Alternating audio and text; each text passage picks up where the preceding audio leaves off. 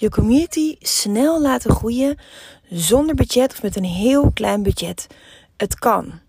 Uh, je kan het ook op een creatieve, toffe, ludieke manier doen door aandacht, tijd en energie en een vleugje liefde te stoppen in uh, je samenwerkingspartners. Nou, hoe je dat precies doet, snel groeien met een uh, heel klein budget of zelfs geen budget, dat weet Christina Kortwright als geen ander. En daarom interviewde ik haar. Uh, het interview is in het Engels, maar ik ga ervan uit dat jullie het gewoon goed kunnen volgen. En ik wens je heel veel luisterplezier.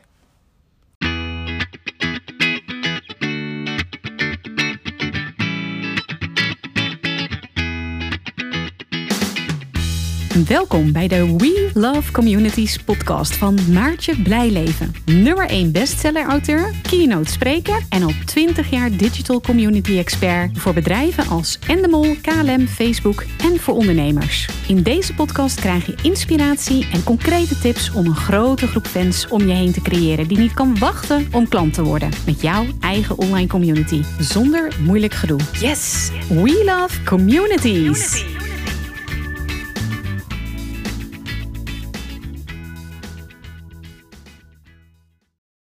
Chris, so nice to be here. Thank you. So we know each other already, but Yes. can you uh, tell the audience who you are and what you're working on? Sure. Uh, my name is Christiana. I work at 180 Kingsday as a senior social strategist.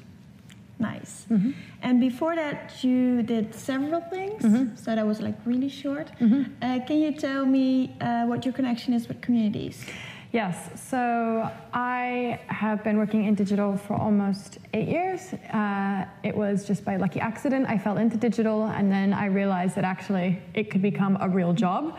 Uh, it was a nice light bulb moment for me uh, because this was back in the day when we only had MySpace and Facebook still was very much community based. So the idea that you could actually be a professional influencer or a blogger or a senior strategist was completely foreign to me at that time. Uh, I worked at a few different jobs, one of which was Newsflare, where they had this idea that anyone could be a journalist because now we have a mobile phone in hand. And I always like to say if you're in the wrong place at the wrong time and you happen to be part of something newsworthy, you could now use social media to collect a community of journalists, obviously not professional journalists, but journalists nonetheless. And uh, my role was to gather this news from this community and find a way to speak to them very quickly when something breaking happened that we really needed to capture. Uh, what I ended up doing was actually designing a tool for Twitter that allowed us to reach 50 users at one time rather than me reaching out individually to people being like, hey, were you here at this point? Because it looks like geographically you were, but I'm not too sure. And obviously, that's a very labored process. So I developed this app. We started reaching 50 people at a time. It doubled our numbers pretty much within the first quarter. And uh, that was kind of my first entrance into community building uh, and finding them, looking for them, fostering them. And then I worked for another incredible company called Digital Catapult. It was the UK's first Internet of Things funded program. So the government basically funded like 40 million into developing startups within the Internet of Things space. And my job was to launch this community online. It was solely online. And because it was uh, government funded, we weren't allowed to do any paid media at all. And so ah. I had to do everything organically, which is an incredible challenge when someone has never heard of IoT UK before. You're not allowed to do any advertising, so no one's going to hear about it. And you need to have the most amazing startups coming to apply for funding or coming to apply to come to your workshops so that you're giving the money to the companies that you think will best improve the UK's economy and infrastructure and industries. So this was a huge responsibility, and uh, thankfully it took off. But uh, that's kind of how I started in communities, and um, I've typically always worked in low budget companies or companies with no budget whatsoever. Uh, so Or restrictions? or restrictions, exactly, our government restrictions. So, exactly. So, working for uh, 180 Kingsday has been a total change for me because it's the first time actually we're paid to put paid media behind uh, growing our communities. Nice. Yeah. And uh, you're very good at uh, community building on a low budget or no budget at all. Can you share some learnings with uh, people who Yeah. are watching? Absolutely. So I think that that old adage of it's not what you know, it's who you know applies very much here. So, for example, I worked for a startup as a freelancer to help launch their new educational app. Uh, again, they had no money for digital, which is a very common problem in my in my area. And because they had no money, uh, we had to find another route. And what we found was the best way was to actually lean on student kind of Twitter accounts. So there are these Twitter accounts like Lad Bible, uh, which have millions of followers across social media. And we would kind of offer discounts in exchange for getting our stuff promoted on their accounts. And by lending their kind of huge platform, suddenly RefMe, which was the name of the company, was trending on Twitter within a first hour of being launched on Apple um, Apple's store, so onto the App Store. And we spent, I think, 100 pounds in total. That was it in just paying a little bit for Lad Bible to promote it. And then organically, people picked it up and was like, what is this RefMe? What is this app? What is this tool? And suddenly we were trending. So that was a really kind of big moment for me to realize that you don't need a lot of money, you just need really good connections and a really clever way for both to mutually benefit from the relationship. So you had already connections with them? Uh, no, actually. So what happened was we reached out to them and just said, "Hey, this is this new student app. We know that like X percent of your um, audience already are students. So do your research. Definitely don't come in with a you know all those copy and paste pitches. Yeah. Definitely do your research, do your analytics, and you can find a lot of this information using free tools, not um, just pay tools. And so we kind of specifically targeted them knowing that it would actually be mutual, mutually beneficial to both because they had so many students already um, online as their kind of average community member. How did you know? Uh, so we used Google Analytics. We used things like Fanpage Karma, anything we could basically get our hands on for a free trial, um, we did, and we scraped as much information as we could from all of their social accounts um, and their YouTube and their website, and we really just tried our hardest to kind of give our best pitch ever as to why they should absolutely be talking about our app. And also, we provided them with content. So, again, we provided them with content that we thought was in their tone of voice. That was content that was in line with their aesthetic, and we said, This is some suggested copy and some suggested tweets that you could potentially use and actually, then they were like, well, you're making our lives easier because you're already you've already written the copy and provided um, the assets. All we have to do is post it. So we really tried to make the process as simple and painless as possible. So did they did actually use that copy? Almost all of it. I think they amended it here or there, but pretty much they used it. So that was, um, I think that was the first time I really kind of went viral uh, with next to no budget. Cool. Yeah. And you said it was the first time, so are there is there also a second and a third time? Yeah, so we've been lucky. Uh, well, I've been lucky, I guess. Oh, um, I don't know. Actually, they always say the harder you work, the luckier you get. So I guess maybe that's how that, that's how that works out. Uh, so when I was working for Ruptly, which is Russia Today's news agency, so the difference is Russia Today is a news channel. The news agency doesn't actually have a point of view in the sense it doesn't talk to you on the news channels. Instead, what it does is it simply sells its video content to any news station in the world. So our content has been sold to Daily Mail, Washington Post, New York Times, for example, just to explain what the difference is. So yeah, I worked for yeah. so I worked for their news uh, worked for their news agency, and they hired me because of my experience on Newsflare. And they said, we want to also create a social media department where we build an online community of social media journalists, particularly from the Middle East, where it's impossible to get journalists in there or out of there and get content easily.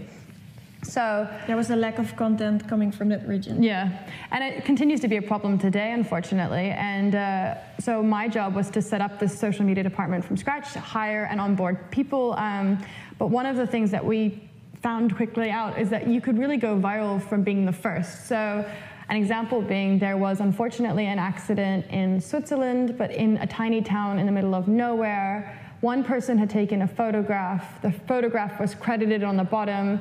I then Googled the person who was credited, and immediately called them up at their home in this tiny town in Switzerland and begged them to go back to the scene and actually click record rather than just photographing the scene. They did, and then the entire thing went viral because we were the first news agency to have it, and I'd done it simply by using my skills of reaching out to people, being very clear about the expectations of what I need, what I want, what you'll get out of this in exchange for this relationship. And uh, it seems to have always worked by being very transparent and also being very empathetic. Because they didn't uh, get any money out of it, or did they? They got a little bit of money, but again, this is the thing with Newsflare or um, the thing with a company like Ruptly is because these people are not professional journalists, their quality of work is never going to be the standard that you would pay a professional journalist. And professional journalists are worth a lot of money, but for a you know, just an amateur guy who happened to be in the wrong place at the wrong time, we're only going to pay him like 100 to 150 euros. But it is still a, But it's- it's still nice money. in it for me. though. Exactly. So. Or was there more in it? I mean, forever being famous with this. Yeah, you could always go on. Well, that's the thing. Uh, one of the things about Newsflare is that you create your own account. And so you can always then see all your content and it lives in this archive. And it's kind of fun for me because now I can look back on things that have been sold to uh, other newspapers or news channels and be like, oh yeah, remember? Ah. Yeah, so because one of the uh, one of the videos I shot became the most watched video back in the day when I worked at Newsflare, and it was just by complete unfortunate circumstance that I was at Stansted Airport when it randomly snowed in October, and it created a huge crisis, and I was filming the whole thing for Newsflare at the time. So yeah. And what was the story with the Middle East then? So the Middle East continues to be a challenge um, for many reasons. Uh, you know, you can't get in very easily. When you do go in, filming is very restricted, often completely banned. People often get killed when they're over in the Middle East, so not many journalists want to go. But there are some people actually living in the Middle East who are dedicated to offering truthful videos that actually show what life is like there, and that's another issue. Actually, finding um, content that isn't um, fraudulent is also a big problem because now, thanks to technology, you can make up all kinds of Yeah. post-production um, horror movies um, that are actually not true at all or completely staged. Um, Or use artificial intelligence and fake the whole thing? Exactly. So that's another big challenge. So we have kind of built a trusted network of people, um, particularly at Ruptly, for people within the Middle East who are dedicated to basically showing what life is like there. I'll put it a bit lighter. Yeah, that's okay. change. So, um, if you start, so if you start a community, Mm-hmm. it's you use all these actually growth hacking Mm-hmm. things to to build up fast. How do you activate your community? That is a very good question. Uh, so, with IoT UK, for example, we had to do something that was really going to be worth their time. So, we decided to launch a program with a mass amount of funding behind it. And we knew that if we did that, it would be a really good bait to at least get people to come and check out our website and also then potentially to check out our content. So, first, I had to make sure that we had some amazing content in place, and I really wanted to do some good stuff, but I didn't want to release the great stuff until we actually had someone on our website so we could gain, gain some traction. Otherwise, it would just have been forgotten or lost. So I started off by showing off the expertise within our department, by interviewing people who were colleagues of mine, and all of these people had come from ex Accenture, Intel, IBM kind of backgrounds, incredibly smart and switched on people. So I did a lot of interviews with them. And then I tried to have all that content ready so that if someone was to go to our website after applying for funding or looking for more information about funding, they'd at least see something that said, we're reputable, we're thought leaders, we're smart, we will actually help you. And because part of what they were getting with this funding was our expertise, was the chance to talk to us one on one. And uh, that was a point that I really wanted to make clear uh, through the website. And also, Twitter has only got a very limited amount of words that you can Yeah. use. And so it's really hard to be like, hey, we're reputable, smart, and thought leaders, and look at all this incredible stuff that we do in such a short word. so instead, I really tried to keep things short, punchy, clear, and let the website and the people do the talking. So s- storytelling before you actually start attracting people. Yeah, I think that's the thing. Like, it would for me it's i always like to use metaphors. It'd be like welcoming someone to your new home and having no furniture. And i think the thing is like i would always like to welcome someone to my home and have somewhere nice for them to sit. And so for me it's like if i'm going to welcome you to my website i want you to have somewhere nice to sit and lounge and relax and enjoy my content. So i'm going to give you a couple of great pieces that really kind of explain who we are quickly. Nice. yeah Um, a part of having a great community is um, conversations. Mm-hmm. So, uh, how did you do that? Like, make sure that they're real conversation instead of one-on-one Mm-hmm. sharing content. I think that's always, to be honest, I think most people would say that's they're probably their biggest challenge, uh, no matter what brand you are or how big you are. Uh, I think that when it comes to talking with people, it has to be about open ended questions. And I think you really have to.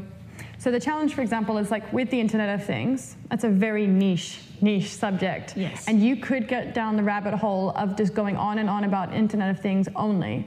But what you would find is that you'd run out of content very quickly, you'd run out of articles to discuss very quickly, and people would get very bored because there's only so many new, fresh pieces of news and information that come out about the Internet of Things per day, per week. So, what we did was we quickly examined the areas of interest connected to the Internet of Things, but still wider than just the Internet of Things.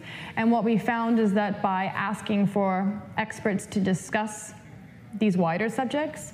By bringing in these wider subjects, we also brought in a fresh and new community, and also by talking to people in a much broader sense. So, not, hey, you, Macho, what do you think about IoT UK? But saying, hey guys, how could we improve? And suddenly someone thinks, oh, you want my feedback. Oh, you care about my opinion. Great. And then the more and more people kind of chime in and pitch in.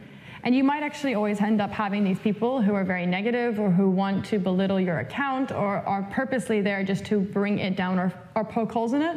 And I think the thing is, it really depends on what they're saying and, of, and why. Yeah. But most of the time, I would say allow that to happen and leave it alone because you can't pretend that everyone has to like your account or else they're not allowed to have a voice. And I think that's, that's not the right message to send across to anyone.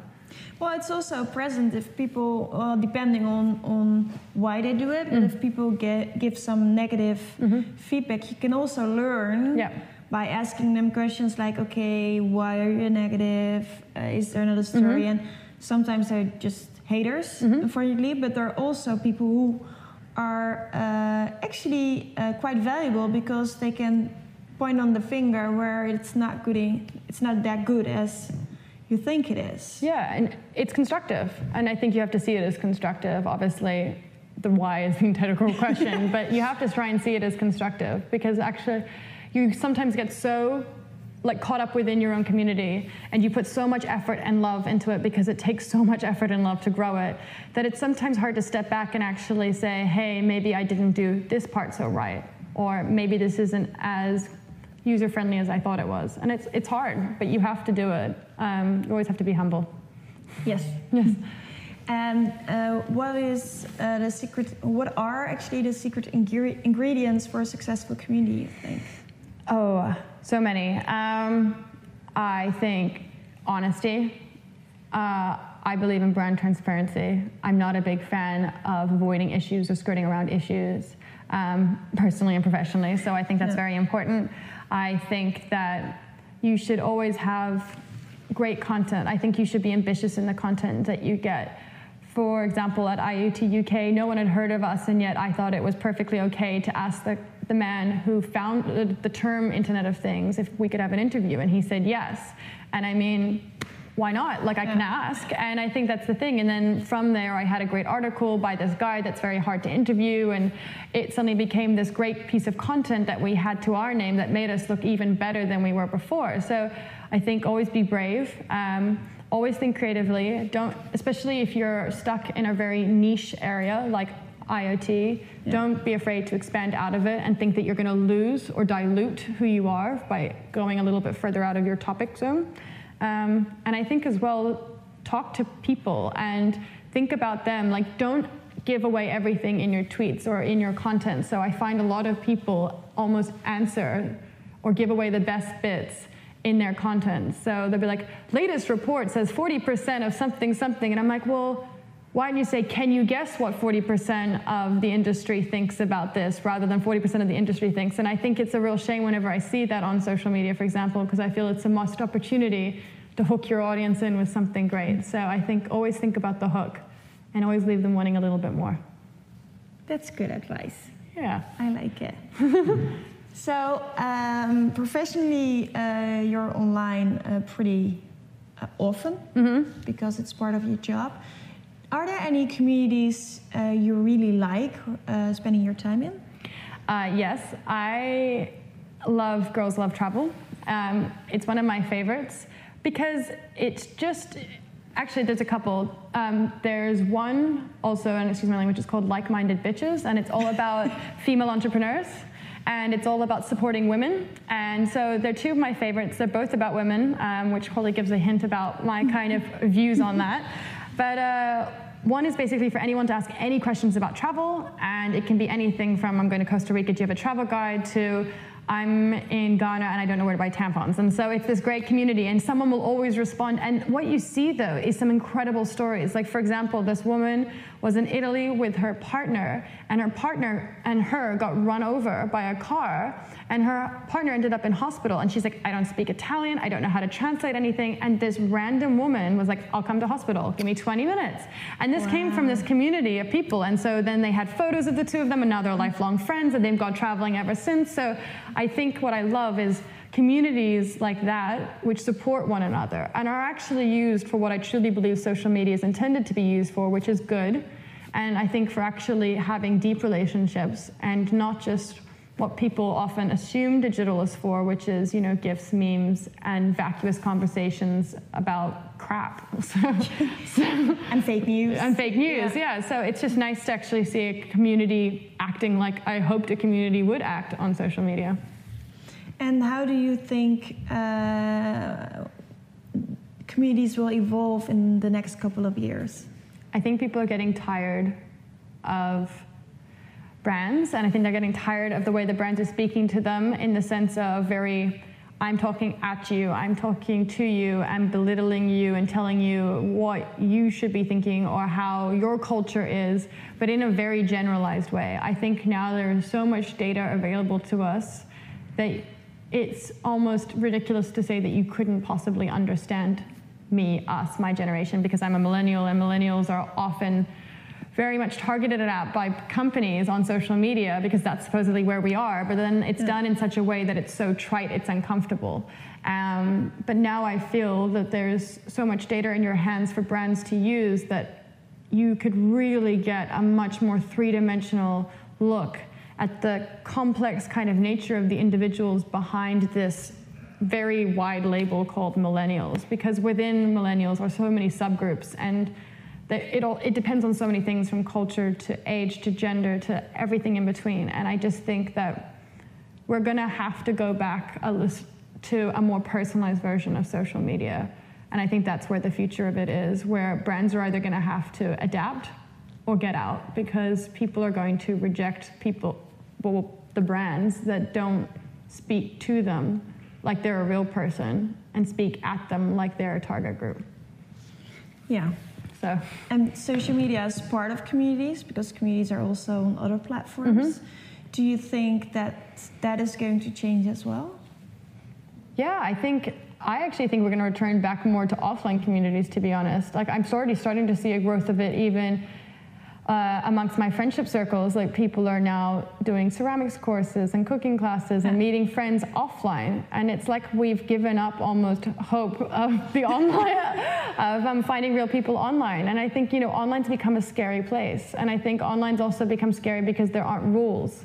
And so, whereas there are rules in society about how one ought to behave, for example, so if you meet offline, you know, you wouldn't catfish someone, well, you could, but you ideally don't catfish people offline when you're at a ceramics group. You are who you are and you just go to enjoy ceramics. Whereas online, there's so many more kind of security questions now about who people are, what content you're reading, is it fake, is it real, that I think people are becoming so distrustful that we're returning back to almost the old fashioned way of meeting up with people and making friends. And I like that actually. So, do you think that communities are becoming more local, smaller, and more the combination of offline and then maybe after that meet online, but think so. knowing exactly who is in the community?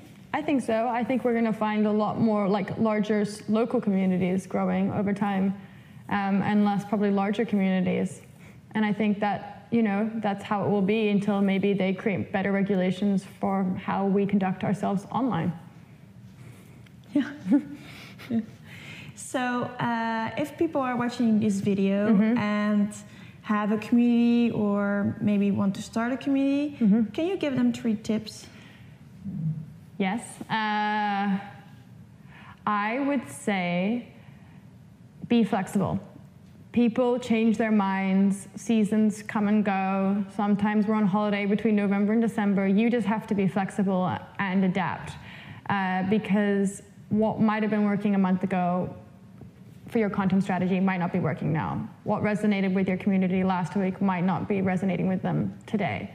Uh, also, rules change within social media. So I think you just have to be really flexible and really committed to adapting like a chameleon to whatever comes your way and accepting that it's not a reflection of you or you failing to be able to grow a community well. I think it's just a very fickle um, industry and you have to kind of love that element or get out because there's really like there's no other way. It's, it's you either love it or you hate it.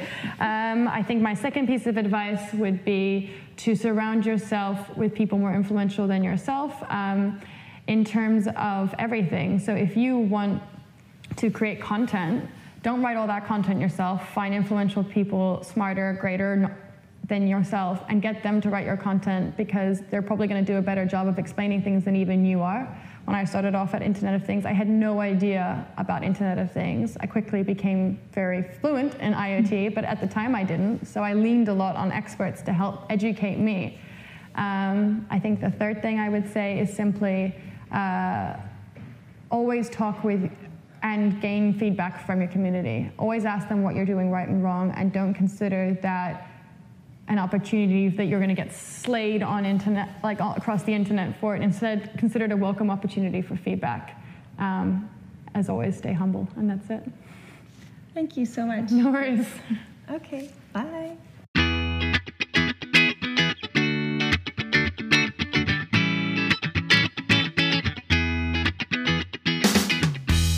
Superleuk dat je weer luisterde naar een aflevering van de We Love Communities podcast. Deze podcast heeft als doel om jou als ondernemer te helpen om online relaties te bouwen en zo super relevant te blijven in deze snel veranderende wereld. Vind je deze podcast nu interessant en ken je iemand die ook een eigen online community of Facebookgroep wil starten of deze wil laten groeien en bloeien? Dan zou het helemaal super zijn als je de aflevering even deelt met je volgers of doorstuurt aan je collega's. Als je via Spotify luistert, dan kan het heel simpel. Door als je in de app bent van Spotify, dan op de drie puntjes te klikken en dan te kiezen voor delen. Wist je dat je ook heel simpel een review kunt achterlaten om te laten weten wat je van deze podcast vindt? Heel eenvoudig. Ga naar je podcast-app waarmee je deze podcast luistert en klik op reviews. Laat bijvoorbeeld 5 sterren achter en als je wilt ook nog een geschreven review. Dankjewel. Ben je door deze podcast enthousiast geworden en wil je nu eindelijk ook jouw eigen online community starten? Download dan nu helemaal gratis het Online Community Stappenplan, waarin je ontdekt welke stappen je zet om succesvol te zijn dankzij een online community. Ook als je nu nog niet bekend bent of weinig volgers hebt. Ga naar www.welovecommunities.nl slash gratis en download daar het Online Community Stappenplan helemaal gratis. Wil jij voortaan alle nieuwe podcastafleveringen overzichtelijk bij elkaar?